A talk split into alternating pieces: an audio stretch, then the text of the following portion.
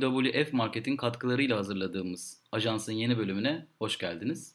Her zaman olduğu gibi ben Utku Ögetürk, Esen Tan'la birlikte haftanın öne çıkan sinema haberlerini konuşacağız. Esen çok disiplinliyiz, çok tutarlıyız.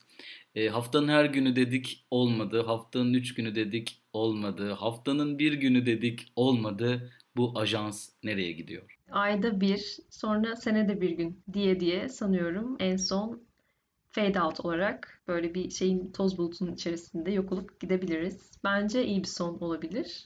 Ama daha ona vaktimiz var gibi.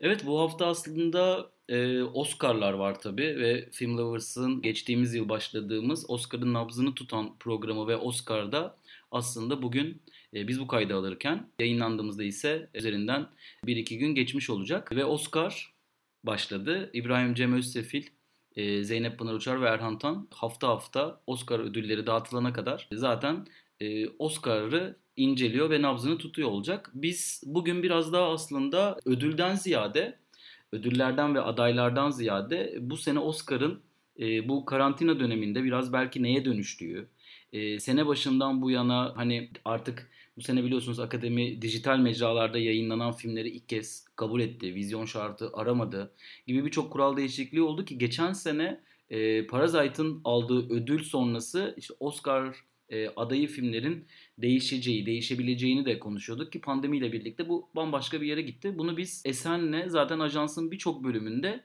konuştuk. Şimdi en iyi film kategorisine baktığımız zaman The Father, Judas and the Black Messiah, Mank, Minari, Nomadland, e, Promising Young Woman, Sound of Metal ve The Trail of the Chicago Seven filmleri en iyi film kategorisinde aday. Bu sene film sayısında çok fazla olmadığı için neredeyse itiraz edebileceğimiz bir noktada değiliz. İşte geçtiğimiz yıl örneğin Uncut James'in e, burada olmaması bizim için çok büyük bir problemdi. Ama bu senenin öne çıkan filmlerinden bazılarına baktığımız zaman işte örneğin The Assistant gibi e, onların zaten hani Oscar'ın radarına girmeyeceğini hiç giremeyeceğini tahmin ediyorduk. O yüzden de bu sene aday olan e, 8 filme baktığımız zaman çok da açıkçası bir şaşkınlığımız yok. Tabii Parasite e, sonrası e, bu sene Minari'nin en iyi film kategorisinde yani Amerika'da yabancı dilde çekilmiş bir filmin bu şekilde bir adaylık alması önemli.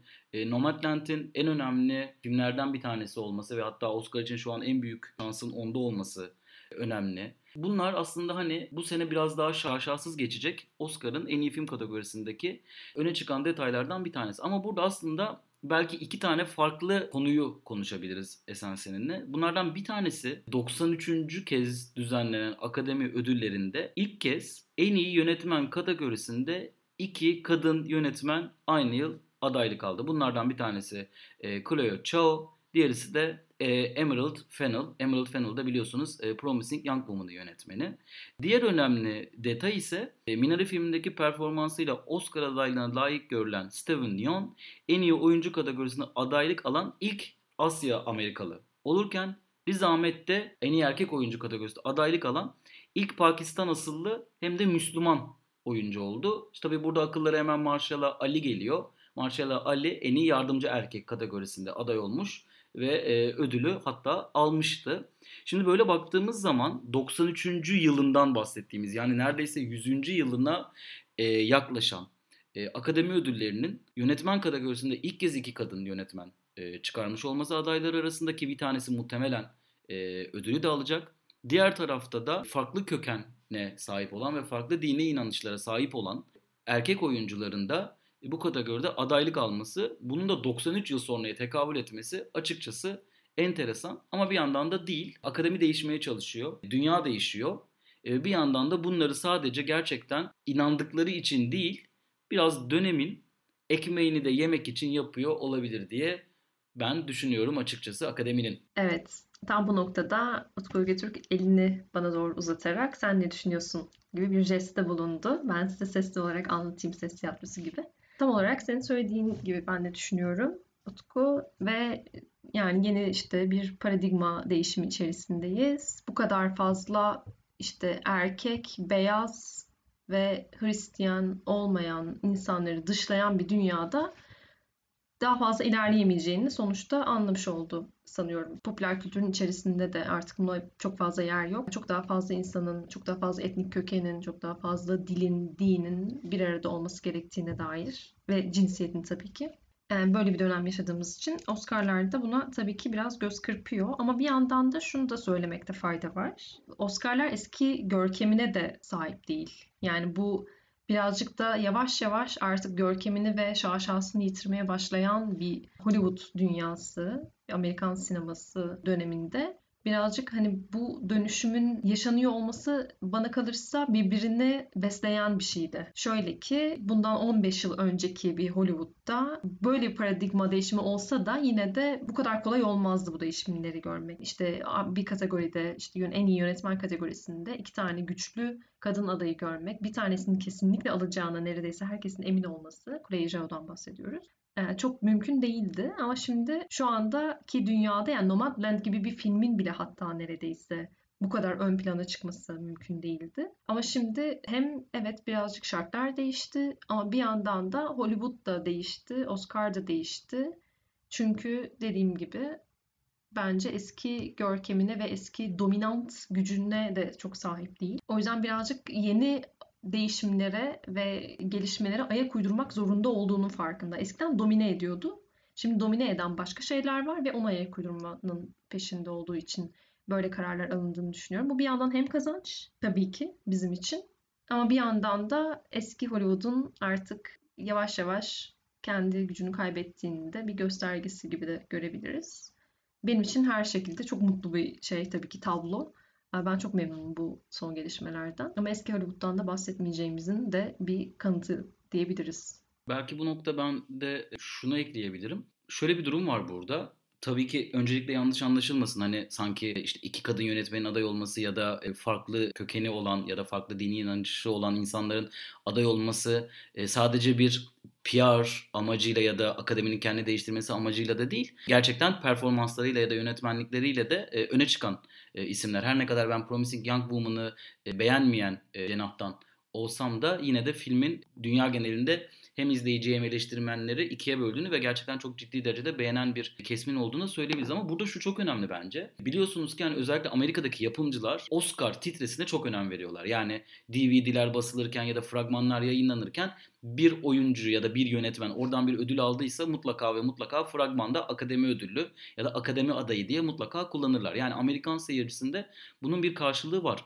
Bugün bunun akademinin hangi koşulları göz önüne alarak yaparsa yapsın, yapımcıların da bu isimlere daha fazla, bu konulara daha fazla şans vereceği aşikar. Yani bugün aslında biz birçok kez burada ajansta da şeyi konuşurken bahsediyorduk. Kadın sinemacıların azlığı kadın sinemacıların daha kötü sinemacı olmasından kaynaklanmıyor. Yapımcıların onlara şans vermemesi, gerekli maddi manevi desteği bulamamaları çok e, bunu etkiliyordu akademinin böyle bir şeye biraz daha hani hala iki aday bu arada çokmuş gibi konuşuyoruz. Hala kategorideki fazla kişi sayısının erkeklerden, cinsiyetin erkek olduğundan bahsediyoruz. Hala bir trans yönetmen maalesef ki adaylar arasında yok. Hala bir trans oyuncu adaylar arasında yok. Bunlar görmezden gelinmeye devam ediyor ama bu bir yol açıyor ve bu bir değişim min süreci ve akademi gibi organizasyonlar bu isimlere hak ettikleri adaylıkları verdiği sürece onları görmezden gelmemekten vazgeçtikleri sürece festivaller Berlin Film Festivali gibi kadın erkek eşitliğine önem verdiği sürece bir noktadan sonra yapımcıların ve filmleri bir şekilde yapılmasına, onların bizle buluşmasına sebep olan kişilerin de artık sadece beyaz erkekler üzerinden gitmeyeceği de bence aşikar diye düşünüyorum.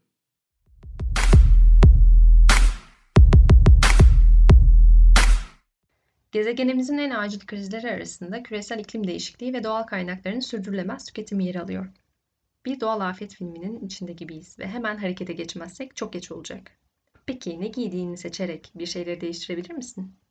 Canlı türlerini ve onların yaşam alanlarını korumayı hedefleyen WWF'in lisanslı ürünlerini satan WWF Market, üretimin her aşamasında doğadan ve insandan taraf olmayı önceliği kabul ediyor. Tüketicileri de alışveriş yaparken gereksiz tüketimden kaçınmaya, çevre dostu tercihler yapmaya çağırıyor. Açıklamadaki linke tıklayarak tüm ürünlerini keşfedebilir, üretim süreçleri hakkında bilgi edinebilirsin.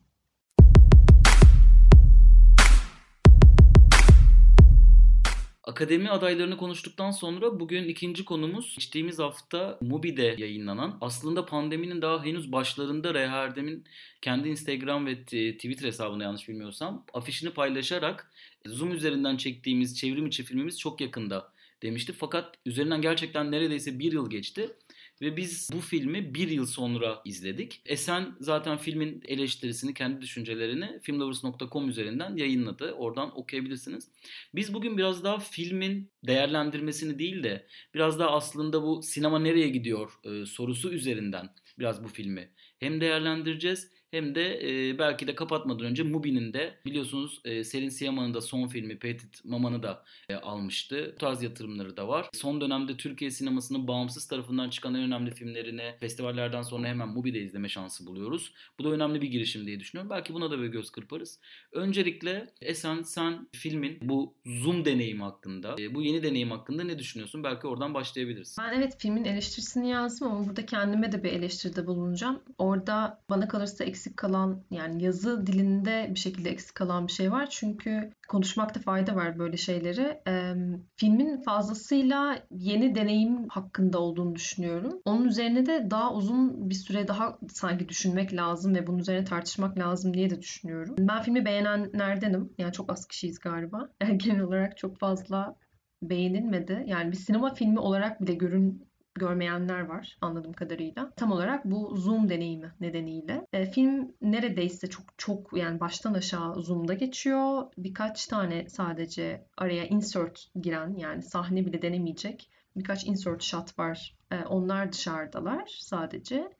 Onlar da boş şehir görüntülerine e, sadece adres ediyor. Onun dışındaki bütün çekimlerde, bütün diyalogların ve karakterlerin birbiriyle konuşması e, bizim zaten şu anda neredeyse her şeyimizi yaptığımız bilgisayar ekranında kaydedilmiş ve o şekilde kurgulanmış. O yüzden de ister istemez yani tam da herkesin Zoom içinde yaşadığı bir dönemde yeniden bir Zoom filmi görmek tabii ki bir insanlarda belki de çok da iyi olmayan hisler barındırabilir, e, yaşatabilir.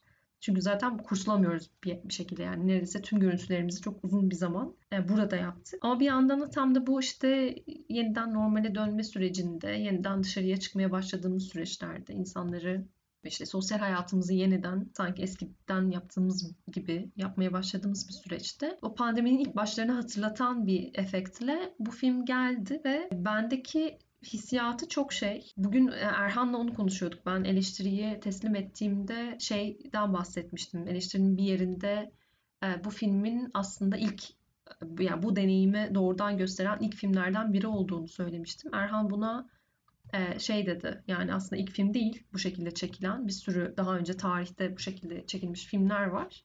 Ama orada şeyde anlaşamadık. Yani ben en sonunda eleştirinin içine koymadım belki ama burada bunu bas, bundan bahsetmekte fayda var. Birebir bu şekilde hissettiğimiz bir dönemde böyle bir mecranın dönüşümüne bu kadar tanık olduğumuz bir dönemde birebir bu deneyimi bize yeniden yaşatmaya çalışan bir filmi çok fazla bilmiyorum. Şu aralar çok fazla çekiliyor. Özellikle pandemi sürecinde çok fazla yapıldı.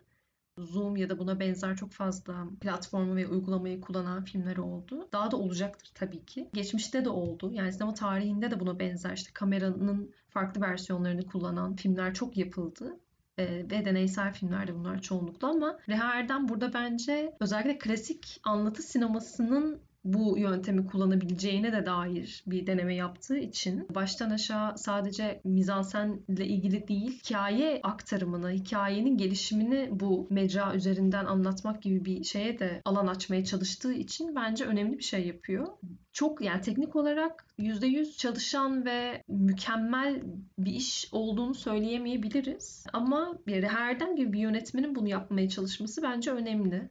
Çünkü en nihayetinde kendi filmografisinde çok sayıda zaten kusursuza yakın filmi olan, sinematografiye fazlasıyla önem veren, kamera meselesine fazlasıyla kamera açısından ya da işte nasıl denir filmografi içerisinde gerçekten doğru kamerayı kullanmaya özen gösteren bir yönetmen olup da zoom'u tercih etmek bence önemli bir gelişme. O yüzden ben sadece onun için bile filmi çok beğendim. Böyle bir cesareti gösterdiği için bile. Ama bir yandan da bunu tabii ki de fazlasıyla şey olarak olarak görenler de var. Yani zaten hani Reha Erdem gibi bir yönetmen ancak bunu yapabilir ve zaten Reha Erdem'in de burada aslında hali hazırda çoktan bir şekilde sistemin içine girecek olan bu kullanımı hemen bir şekilde kendi sineması içerisinde de yer almasını sağlayarak onun faydasını görmek gibi bir yerden hem eleştiren hem de bu şekilde okuyan insanlar da var. Böyle ben genel olarak olumlu bir gelişme olarak buluyorum ve daha iyi örneklerini görmek için de sabırsızlanıyorum. Burada tabii çok tez antitez e, gibi gitmeye de gerek yok. Hani e, WhatsApp grubunda da aslında hani ben sen Ekincan biraz e, bu konu üzerine konuşmuştuk ama ben belki senin söylediklerine şöyle bir şeyden sadece bir girizgah yapabilirim. Pandemi döneminde açıkçası bu tarzda yani Zoom üzerinden böyle bir yine bir dolandırıcılık hikayesi değil ama yani bir katil hikayesi üzerinden hani Zoom üzerinden gelirken çok benzer bir hikayeyle ilgili bir bizimle görüştüğümüz biri olmuştu ve sonrasında zaten kendileri bunu çektiler. Yayınlandı da bir yerde yine Zoom üzerinden. Bir diziydi tabii ki o. Ee, burada aslında mesele şu. Senin de dediğin gibi yani özellikle webcamlerin yani ya da e, bilgisayarlarda kullandığımız kameraların hayatımıza girmesinden sonra bu ve buna benzer çok fazla deneyim çekildi. Hatta gizli e, evde kullanılan kameralardan Paranormal Activity diye bir korku filmi çekildi ve sonra bunun serisi geldi ki işte Blair Cadısı vesaire gibi örnekler de aslında yine hayatımıza handicamlerin ya da cep telefonlarının girmesiyle birlikte çekilen denemeler. Bunların birçoğu aslında benzer bir yerden üzerinden yapılan denemeler. Yani dönemin atmosferi, çağın atmosferi, teknolojinin gelişimi gibi konulara sinema hiçbir zaman duyarsız kalmıyor. Beni burada heyecanlandıran şey bunu Reherdem'in yapıyor olması zaten. Yani Reherdem gibi bir otörün Türkiye sinemasının e, son 20 yılına damga vurmuş ki benim özellikle genç sinemanı, sinemaya bir sinema olarak girdim. Erken yıllarımda Nuri Bilge Ceylan, Zeki Demirkubuz ve Reha Erdem ve Yeşim Ustaoğlu bu dördünün e, çokça karşılaştırıldı. Hani sinema okullarında ya da kulüplerinde sen de bilirsin. Hani senin favorin hangisi diye sorulurdu ve benim favorim her zaman Ray Erdem'di. Çünkü Ray Erdem bana hep daha bir yenilikçi geliyordu. Her ne kadar sineması sonra çok tekrara düşmüş olsa da hani bir Kozmos'a baktığımızda, e, diğer filmlerine baktığımızda sanki Zeki Demirkubuz ve Eşim Ustaoğlu ve Nuri Bilge Ceylan'ın yaptığındansa bana hep Reherdem daha zeki e, ya da daha yenilikçi geliyordu açıkçası. Evet son yıllarda açıkçası e, sinemasının ileriye gitmekten ziyade geriye de gittiğini görüyoruz. Burada yine de böyle bir denemeyi Reherdem'in yapıyor olması ekstra bir heyecan getiriyor ve bir şey bekliyorsun. Beni burada hayal kırıklığına uğratan temel mesele bu iyi olabilir film, kötü olabilir, hikaye iyi olabilir, kötü olabilir. Komple gerek o denemenin yani bir zoom üzerinden yapılan yazılan hikayenin ilk akla gelen olması, senaryonun ilk akla gelen şekilde yazılması, diyalogların ilk akla gelen şekilde olması. Yani Reha Erdem'in sadece zoom üzerinden bir şey çekmeye odaklanıp bunun heyecanına kapılıp geri kalan her şeyi bir otöre yakışmayacak şekilde geri plana atmış olması. Bunun senle de konuştuğumuzda konuşmuştuk. Yani bunun bilinçli bir tercih olduğu çok aşikar. Yani Ray Erdem'in aklına bir fikir gelmiş ve bu fikir üzerinde aslında çok da düşünmeden bu yeni çağın ona kattığı heyecan üzerinden bir hikaye yazmış. Aslında bunu çok teatral bir havada da görebiliriz. Çok basit bir iş olarak da görebiliriz. Fakat ben bir sinema yazarı olarak ya da bir sinema sever olarak Reha Erdem'in bu işe kalkışmasının altında daha açıkçası zekice hamleler beklemenin de bizim hakkımız olduğunu düşünüyorum. Bunu bu bu işi yapan kişi no name bir isim de olabilirdi ve biz yine bu film sebebiyle işte ben yine hiç beğenmeyebilirdim. Oturup burada yine teknik açıdan bunun sinemamızı nereye götüreceğini ya da dünya sinemasının nereye gittiğini, oturup o dönemin atmosferini nasıl bize yansıttığını. Yani bu filmin şöyle bir şeyi olacak Reyerdem yaptığı için. Bundan belki 10 yıl sonra dönüp baktığımızda ve Zoom böyle çok aktif bir şey değilse o zaman ki o zaman hologramlar vesaire çıkmış olabilir hayatımızda. Bu döneme aynı tutacak ama ben onun dışında bu filmin açıkçası herhangi bir ne sinemaya ne de o yenilikçiliğe bir şey kattığını düşünmüyorum ve bu filmi biz de çekseydik aklımıza gelen ilk hikaye mutlaka büyük ihtimalle bu olacaktır ya da buna ben bu minvalde bir hikaye olacaktır. Benzer bir şey çekebileceğimizi. O yüzden Reha Erdem isminin yarattığı heyecanı asla kaldıramadığı için de bir hayal kırıklığı yaşadığımı belirtmem gerekiyor. Sana belli bir oranda aslında katılıyorum. Yani evet hikaye ve senaryo konusunda çok daha farklı şeyler yapılabilirdi. Söz konusu kişi Reha Erdem. Yani çok çok ilginç şeyler çıkabilirdi ortaya. Ama bir yandan da yani galiba e, ya o işte hızlı bir şekilde o işi yapma meselesi ve o heyecanı hemen yaratmak ve aynı zamanda yani şey gibi bir yerdeyiz ya bir yandan da. Yani neden şu anda YouTube'daki bir videoyu biz sinematik bir deneyim olarak düşünmüyoruz? Neden o ikisinin arasında bir fark görüyoruz? Niye sinema farklı ve video farklı? Yani ikisinde de hareketli bir görüntü var ve ikisinde de atıyorum işte bir hikaye izleyeceksek diyelim ki neden o ikisinin arasında çok net bir hiyerarşik bir fark görüyoruz? Gibi bir, yani bir sürü soru var aslında bu dönemde ortaya çıkan.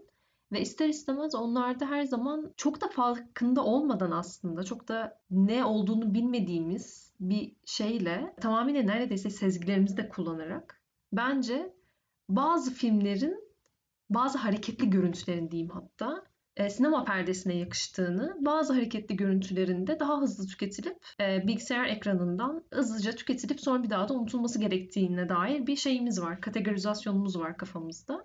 Ve sinemayı da buna göre kurguluyoruz kafamızda aslında diye düşünüyorum.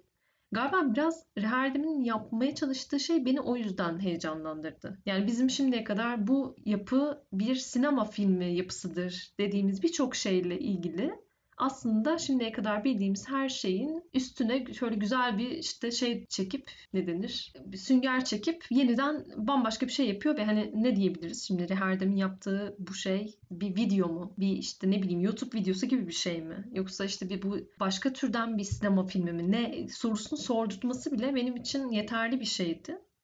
O yüzden ben hiç mesela ne hikayesine ne senaryosuna ne de işte oyunculuklarına bile çok büyük oranda şey yapmadım bile. Çünkü izlediğim her dakika sürekli aklımda o soru vardı. Yani ben şimdiye kadar hep biliyorum ki film setlerinde oyuncular kendi kostümlerini giymezler ve oralar kendi evleri değil der, değillerdir. E, bu bir film setidir, mizansen kurgusudur ve oradaki her şey planlıdır. Ve bunu bir ekip yönetir. Oyuncu sadece orada kendi rolünü oynar. Reherdem'i filmine baktığım anda son işte Seni Buldum ya filminde bu bildiğim her şey yerli bir oldu. Yani oyuncuların kendi evlerinde kendi kostümleri, kendileri yapmışlar dekoru ve karşılarında oyuncu bile yok ve Erdem'le konuşuyorlar aslında. Yani prodüksiyon sürecini düşündüğüm zaman bile normal bildiğimiz bir prodüksiyon süreci yok ortada. Ve kendi kendilerine oyun oynuyorlar gibi bir şey. Ya sinemanın böyle bir şeye dönüşmesi beni çok fazla heyecanlandırdığı için Reha Erdem gibi bir yönetmenin tekrar altını çizerek söylüyorum. Bununla ilgili hiçbir şekilde korkuya kapılmadan kendisine yöneltecek bir sürü eleştiriyi ya bu sinema mı şimdi sorularını tamamıyla bertaraf edip evet yani ben bunu yapıyorum ve böyle bir cesaretim var. Çünkü neden yapmayayım ki gibi bir soruyla hareket etmesi benim için yani bu benim için yeterli bir şeydi. O yüzden bugün de eleştiriyi teslim ederken böyle puan vermemiz gerektiği için 70 gibi puan verdim. Ama tekrar ediyorum bütün filmler için yani aslında çok da içimden gelerek vermiyorum o puanları. Bence bu filmde de o geçerli değil. Er, Erhan bana çok şey yaptı. Ya nasıl yani 70 veriyorsun emin misin çok yüksek puan değil mi bu filme falan dedi. Yo bazı yerlerde o soruyu bana sordurttuğu için bile sadece bence 100 üzerinden 100 hak eden bir film. Ama dediğimiz gibi evet birçok teknik aksaklık, senin bahsettiğin şeyler çok önemli ve eminim ki ilerleyen zamanlarda bunun iyi versiyonlarını da tekrar görme şansımız da olacak. Bunu yapacak olan bir sürü insan olacak. Yapılıyor da zaten ve yapıldı da senin dediğin gibi. Ama dediğim gibi bana o soruyu sordurtması sadece yeterliydi ve onu da çok temiz ve şey bir yerden sordum. Dediğim gibi filmde sürekli hiç kuşkuya düşmeden ve oradaki arayışın da farkında olarak sorduğum için yeniden çok mutlu oldum kendi adıma böyle bir şey gördüğüm için. Ben son bu konuyla ilgili bir ufak düşüncemi söyleyecek olursam açıkçası beni filmde en heyecanlandıran detay sokağa indiğinde de o görüntü kalitesini yükseltmeden adeta zoom ekranından biz bunu izliyormuşçasına sunması bence çok zekice bir hamleydi. Çünkü hani bir o ekrana bakıyoruz ve bir gerçekliğe inanıyoruz ve gerçekten o insanları bir zoom ekranında izliyormuş hissiyatına kapınıyoruz. Orada yönetmenin yerine geçiyoruz aslında biz ve bazı insanların özel hayatlarını bir şekilde röntgenleyen konuma geçiyoruz. Gerçekten o insanların bilgisayarına bağlanmış gibi hissediyoruz. Eğer ki sokağa çıktıklarında daha net bir görüntü kalitesi görmüş olsaydık özellikle Serkan Keskin'in karakteriyle Levent sokaklarında gezerken daha net bir görüntü kalitesine girmiş olsaydık filmin bütün inandırıcılığından çıkmış olacaktık. Ben o hamlenin çok yerinde bir hamle olduğunu düşünerek en azından filme dair sevdiğim tek şeyi de söylemeden geçmemiş olayım. Son olarak çok ufacık bir notla bitirmek istiyorum ben programı Esen izninle. Mubi son zamanlarda çok doğru hamleler yapıyor. Özellikle Hayaletler de yakın zamanda ilk kez Mubi'de gösterilecek. Birçok son zamanlarda festivallerin öne çıkan önemli belgesellerini de Mubi'de izleme şansı buluyoruz. Zaten arşivlerindeki filmleri günlük gösterim dışında açtıklarından bu yana daha geniş bir arşiv sunuyorlar bize. Fakat bir yandan da e, Mubi'nin Türkiye pazarında ithalat işine girmesiyle özellikle Selin Siyaman'ın filmini almasıyla birlikte açıkçası biraz bu beni sinemaların geleceğine dair bir tık da korkutmuyor dersem yalan olur. Çünkü zaten dünyadaki bütün ana akım filmleri neredeyse e, zaten kendi üreticileri olduğu için işte HBO, HBO Max'te artık eş zamanlı yayınlıyor. Netflix zaten festivallerde ne bulursa almaya çalışıyor. Elimizde Art House vardı. Bu Art House filmlerinin de Mubi'nin alması sonucu eğer ki bir sinema perdesinden uzaklaşma olursa o zaman gerçekten sinema salonlarında hangi filmleri izleyeceğiz sorusu çok daha ciddi bir duruma gelecek. Burada tabii ki bu karar sebebiyle Mubi'yi eleştiremeyiz. E, sonuçta filmleri perdede gösterecek söyleniyor. Belki festivallerde gösterecek, belki sınırlı sayıda da beyaz perdede de gösterilecek. Fakat bunun bu dijital mecraların bu kadar büyümesiyle birlikte filmlerin ithalat kısmına da yani bazı belirli ülkelerde haklarını almasıyla birlikte sanki daha korkulu rüyalar biraz daha gerçek oluyormuş gibi. Burada az önce de söylediğim gibi eleştirel bir şey yapmak mümkün değil. Pazarlar çok büyüdü. Herkes birbirinin rakibi. E, tabii ki herkes bir şekilde ticari amaçları doğrultusunda bu yatırımları yapacaklardır.